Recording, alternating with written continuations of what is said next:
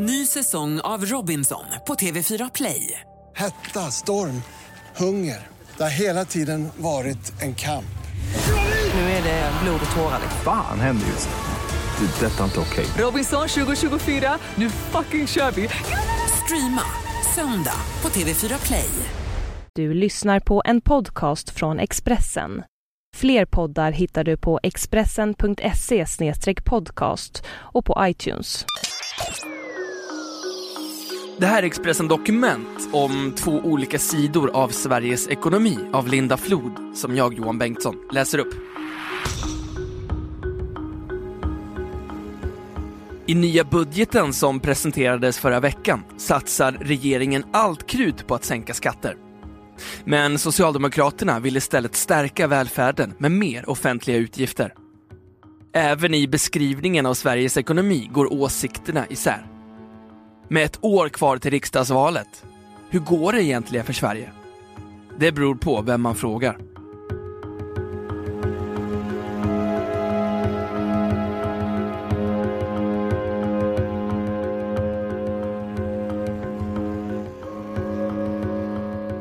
Å ena sidan, Sverige anses vara ett föregångsland och statsskulden är låg. Å andra sidan, tillväxten sjunker och arbetslösheten ligger envist kvar på en hög nivå. När läget i den svenska ekonomin ska beskrivas finns det bara en gemensam nämnare mellan vänster och höger. Arbetslösheten måste sjunka. De senaste åren har 8% av svenskarna varit utan arbete trots att Sverige klarade sig bättre än många andra länder efter finanskrisens utbrott 2008. Det är även en historiskt sett hög siffra. Innan krisen i början av 90-talet stod 2-3% utan arbete, en siffra som dock fördubblades när räntorna hade stigit till chocknivåer och Riksbanken övergav en fast kronkurs. Regeringen spår nu att arbetslösheten inte börjar sjunka förrän i slutet av nästa år. Bland den unga befolkningen är 25% utan arbete och antalet långtidsarbetslösa blir fler. Det är oroande. Fram till 90-talskrisen hade Sverige full sysselsättning och om vi ska komma tillbaka till samma nivåer krävs stora satsningar på arbetsmarknadspolitiken, säger Lennart Eriksson, professor i nationalekonomi vid Stockholms universitet. När han ska förklara hur svensk ekonomi mår säger han att verkligheten inte är entydig. Bilden är splittrad. Vi har inte haft en bankkris de senaste åren och vår tillväxt har varit bra. Men arbetslösheten och hushållens skulder är höga. I internationella sammanhang får Sverige positiva kommentarer för sin inhemska politik, men jag är tveksam till om Sveriges framgångar har berott på den. Jag tror mest det beror på att omvärlden har mått sämre, förklarar Lennart Eriksson.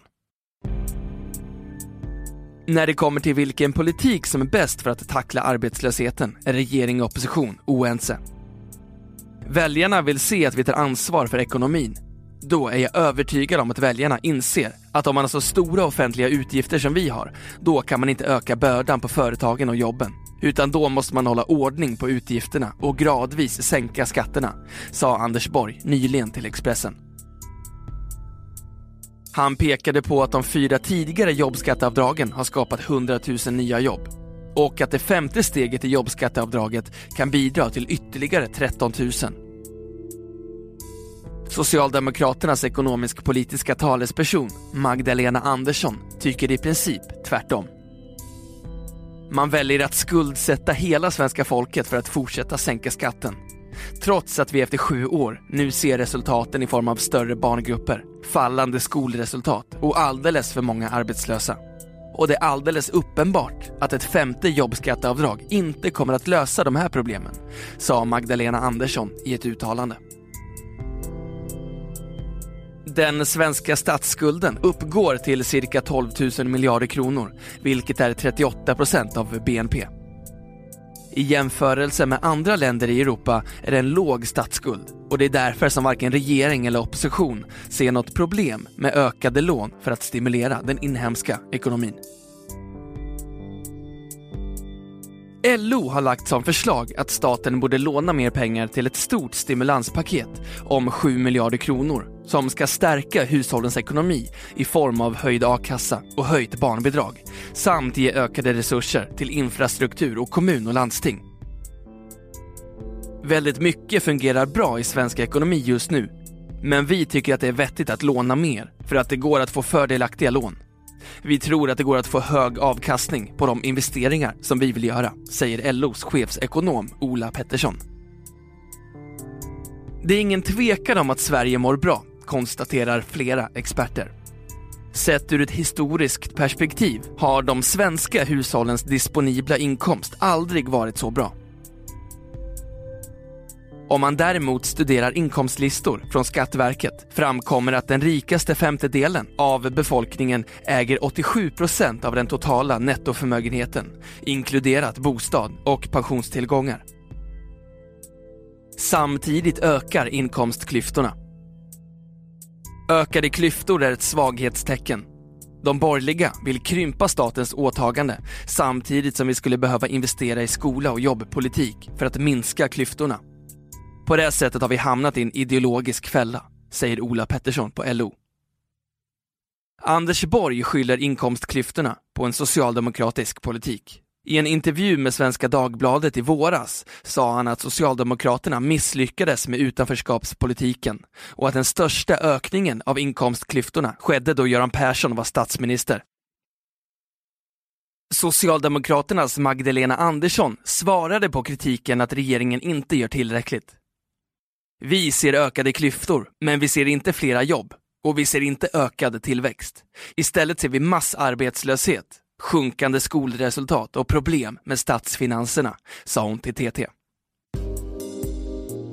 Förutom arbetslösheten och ökade inkomstklyftor finns även andra orosmoln som politikerna bör ta hänsyn till, resonerar Ylva Yngvesson, privatekonom på Swedbank. En minskad tillväxt är ett av de orosmolnen. Statistiska centralbyrån levererade nyligen siffrorna för årets andra kvartal som visade att tillväxten landade på fjuttiga 0,1 procent, att jämföra med förväntade 0,6 procent. Samtidigt har Internationella valutafonden, IMF, höjt röd flagg och varnat för en svensk bostadsbubbla. Att hushållens samlade skuldberg växer beror på att vi lånar allt mer till våra bostäder. Med låga bolåneräntor har svenskarna amorterat mindre och inte varit oroade över sin belåning.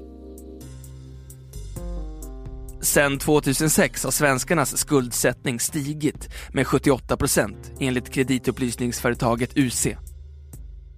I fjol var det bara tre EU-länder som hade högre hushållsskulder än Sverige. Jag tror inte på amorteringskrav enligt lag, men man ska förstå varför det är bra att amortera.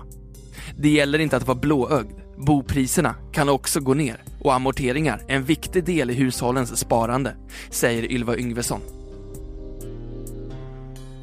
En som inte heller tror på amorteringskrav är Peter Malmqvist, oberoende analytiker. Amorteringskrav handlar bara om att bankerna ska få större säkerhet. Hushållen blir inte gladare av att tvingas till att amortera och effekten blir i sådana fall minskad konsumtion, säger han. Varken Peter Malmqvist eller Ola Pettersson på LO ser någon anledning till att höja räntorna. Fokus bör istället ligga på byggande av fastigheter. Malmqvist menar också att vi inte bör vara alltför oroade över stigande bostadspriser.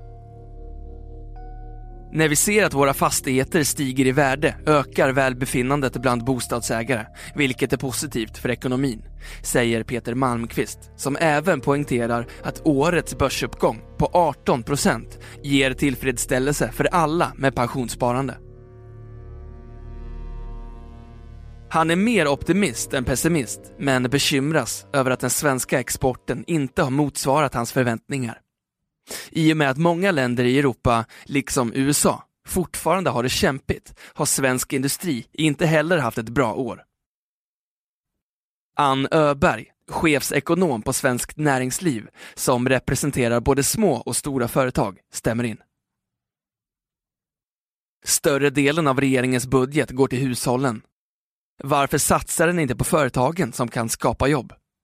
Det ska vara attraktivt att driva företag och alla företagare som jag träffar efterfrågar sänkta arbetsgivaravgifter för att enklare kunna anställa, säger hon. Trots en svag tillväxt spår Ann Öberg att konjunkturen fortsätter uppåt de kommande åren. Och för att Sverige inte ska tappa sin starka position gentemot omvärlden måste staten fortsätta satsa på reformer, säger hon. Hon får medhåll av Lennart Eriksson vid Stockholms universitet som anser att regeringen borde ha dragit till med kraftiga reformer i ett betydligt tidigare skede. Ett sätt att få ner de offentliga skulderna är att stimulera ekonomin. Riksbanken skulle också kunna vara mer expansiv, det vill säga sänka räntan ytterligare. Att Riksbanken flaggar för höjd ränta om två år kan vara negativt för ekonomin i och med att företag och hushåll då hålls tillbaka, säger han.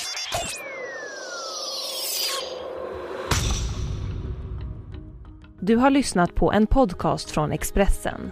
Ansvarig utgivare är Thomas Mattsson.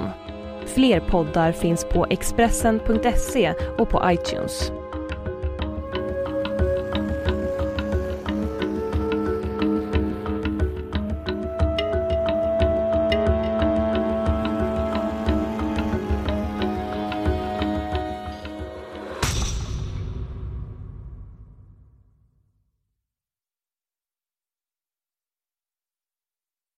Ny säsong av Robinson på TV4 Play.